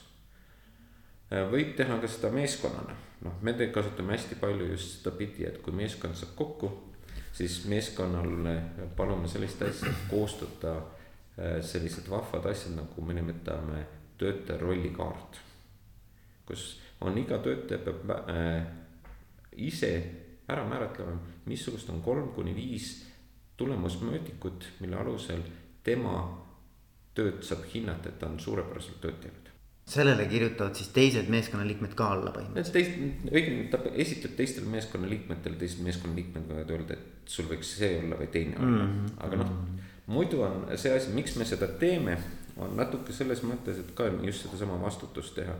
aga teine asi tavaliselt on ikkagi, et meeskonna juht või noh, ütleme kapten või liider peaks ise kirjeldama ära, et missugust rolli on vaja ja missugused on need tulemusmõõdikud nüüd, kui sina, Veiko, valid selle rolli, siis sa tead, et missugusete tulemuste eest vastutad. mis me nagu teeme iga kvartal, on see asi, et eh, kui sa tahad hoida evolutsioonilist organisatsiooni, siis igas kvartalis peaks iga inimene uuesti otsustama, kas ma tahan olla selles rollis. valideerima, kas ma nende tulemusmõõdikute vastu, sinna on mm. kirjutatud ka konkreetsed väärtused, olen ma A, B või C taseme mängija ja nüüd on olemas see, et sa enda jaoks pead kirjutama siis taha, mis on sinu kvartali eesmärk, et eh, iga tulemusmõõdiku taga, et parandada oma niinimetatud sooritust, mis on see uus seisund. ja noh, tüüpiline on see, et kus, kui sa kuskil oled C, siis sa püüad, kuidas saada B-ks, kui B, siis A-ks, kui oled A, siis kuidas jääda A-ks ja kui sa oled need nagu kirja pannud, siis sa juhid kokku ja te peate juhiga otsustama, missugune nendest eesmärkidest on üks ja kõige olulisem, millel on kõige suurem mõju mm. -hmm. ja see ongi sinu kvartali eesmärk ehk sinu arengu eesmärk üheksakümne päeva jaoks. ja sinna taha ehitatakse siis need tulemusmõõdikud või noh, me nimetame võtmetulemused, ehk sa oledki saanud väga lihtsalt, et igal inimesel on oma OKR mudel see on see OKR-s jah Jah. mm, -hmm. see Google, tegelikult on vist Intelist pärit, aga Goo- Google'i, Google'is nagu no populariseerinud ütleme, et ta on ju, sai alguse selles mõttes jah, et äh, Intelist Andy Groove'i toast on ju, kus olid siis äh, kaks härrasmeest olid John Doerr ja äh, härra Jim Hullington mm. -hmm. et, äh, et John Doerr on siis noh, Google'i ju- juhatuse liige ja ütleme, teine investor. ja iseenesest äh, teema oli ju väga lihtne Intelis oli, et äh, meil tänasel päeval on probleem, et AMR või teine see tootja tuleb, on ju, et mis teha. siis noh, nemad olid kaks McKinsey konsultanti, kes hakkasid rääkima suurest strateegiast. siis selle peale ütles Andy Grove, mul on vaja kiiret ja mõjusat lahendust, on ju ja siis nad avastasid sedapidi, et jah, et kuidas panna meeskonnale eesmärk ja võtmetulemused ja vastu mida iganädalaselt siis agiilselt oma tegevusi muuta. Ja siis ütleme, et kuidas see ka viia üksikinimese tasemel. ma lihtsalt noh, praegu sul tutvustasin ühte töövahendit ja mm -hmm. sa küsisid mulle, et kas on call to action on ju, et mm. -hmm. siis ma pakungi välja juhtidele, et kui sa oled huvitatud, siis ma võin pakkuda juhtidele ühetunnist sihukest tasuta konsultatsiooni kuidas muuta tänased ametijuhendid hästi lihtsalt rollikaartideks, rolli tulemuskaartideks ja kuidas rolli tulemuskaartidel viia organisatsioon nelja kuni kuue nädala OKR-ide peale. Ja siis peale seda on isejuhtiv organisatsioon ja pidevalt õppiv organisatsioon. sest kui kõikidel inimestel tekib vajadus iga nädal esitada omad võtmetulemuste vastu küsimused, mis läks hästi ja mida ma teen teistmoodi, siis nad hakkavad uurima ja puurima on uudi-, uudishimus, et kuidas saaks teha kaks korda vähem aja, kaks korda rohkem tulemust hmm.. Mis mind huvitab selle juures on see, et miks selleks peab välja töötama suuri programme, süsteeme. miks on selleks vaja selliseid konsultante, koolitajaid nagu meie, et miks see miks see iseloomulikult ei, miks organisatsioonid nagu loomuomaselt juba sellega niimoodi ei toimeta, no okei okay,, seal võivad mingid variatsioonid ei olla. no me võime saame süüdistada muidugi, selles on süüdi Eestis äh, rootslased on ju kes lõid ju Eestisse koolid viieteistkümnendal, kuueteistkümnendal sajandil, noh et siin on Gustav Adolf ja siis Tartu un- Universitas on ju. siis koolide loomise eesmärk oli ju selline asi, et õpetada lastele katekismust mm. -hmm. ehk meie religiooni mm, -hmm. kus ju on öeldud, et jumal otsustab meie eest kõik mm. -hmm. ehk me, me... abitus ja koolitus ootan su ammu nii et ega, ega selles mõttes rootslased on me ära rikkunud. selge, nüüd me teame siis, kus see kurja juur paisitseb aga tegelikult on ju sedapidi, et noh, eestlased peaksid olema uhked, nad on ju tarausus on ju. tarausus oli ikkagi see asi, et inimene läks metsa puu juurde, kallistas puud, rääkis oma mure ära ja metsast tuli lahendusega välja. on ju, ja ta teadis, et puu ütles, ei ütelnud talle on ju ette, et mida ta peab tegema, vaid ta pidi ise puu juures leidma lahenduse ja kui ta tahtis, siis ta viis selle ellu, on ju. nii et tagasi juurte juurde aga ei, aga ma mõtlesin tõsiselt seda, Andres, seda küsimust, et, et mis, mis on siis nagu, mis on see nagu, miks organisatsioonid kukuvad sellelt rajalt ära, sest ma, ma nagu ise arvan, et see on ju tegelikult tundub nii elementaarne ja loomulik ja loogiline. miks peab seda hakkama kuidagimoodi uuesti nii-öelda noh, et kus, kus juhtub see, et me tegelikult kukume sealt rajalt ära? juhtub ära, esimene asi on see asi, et Lähme tagasi selle meie nagu Get Big Fast'i nagu kolm, kolmes alustala juurde. esimene asi on see asi, et kas ettevõttel on eesmärk, mis kõiki innustab ja ühtib kõikide väärtustega. no alguses on, ilmselgelt alguses Algus, peab olema, eks ole. aga no ütleme sedapidi, et noh, me näeme sedapidi ka Eestis ettevõtjad on teinud organisatsiooni, kui ta kasvab kümne miljonini, siis mingisugusel hetkel see juht esitab endale küsimuse, kas ma rohkem tahan mm ja ta ei märkagi sedapidi, et ta on muutunud ise organisatsiooni jaoks klaaslaeks. Et see ambitsioon on kuskil nagu kaob ära. no maja on olemas, teine maja on Hispaanias. ja võib-olla ei taha nii palju riske võtta, eks ja, ole. ja nüüd ongi. tiksub, eks ole. me esitame. kümme protsenti iga aasta. jah, ja tuleb sellest kakssada, kolmsada tuhat aastas ju täitsa normaalne. ja noh, siin ongi see küsimus, mis tulebki, ütleme siis juhile esitada, et mis on su ettevõte täna sinu jaoks mm. -hmm. on see su äh, perekonna varanduse garantii mm. -hmm. on see su hobi või on see su needus, on ju. -hmm. ja kui nagu juht mõtestab enda jaoks läbi, et see on perekonna garantii, siis noh, meie soovitus on see, et muuta, viia organisatsioonist nii palju vara välja, likviidsed. et organisatsioon muutuks näljaseks ja juhi jaoks muutuks jälle hobiks mm. -hmm et inimestel, kui on hobi, siis nad teevad asju mõnuga, on ju. ja fun'iga jah.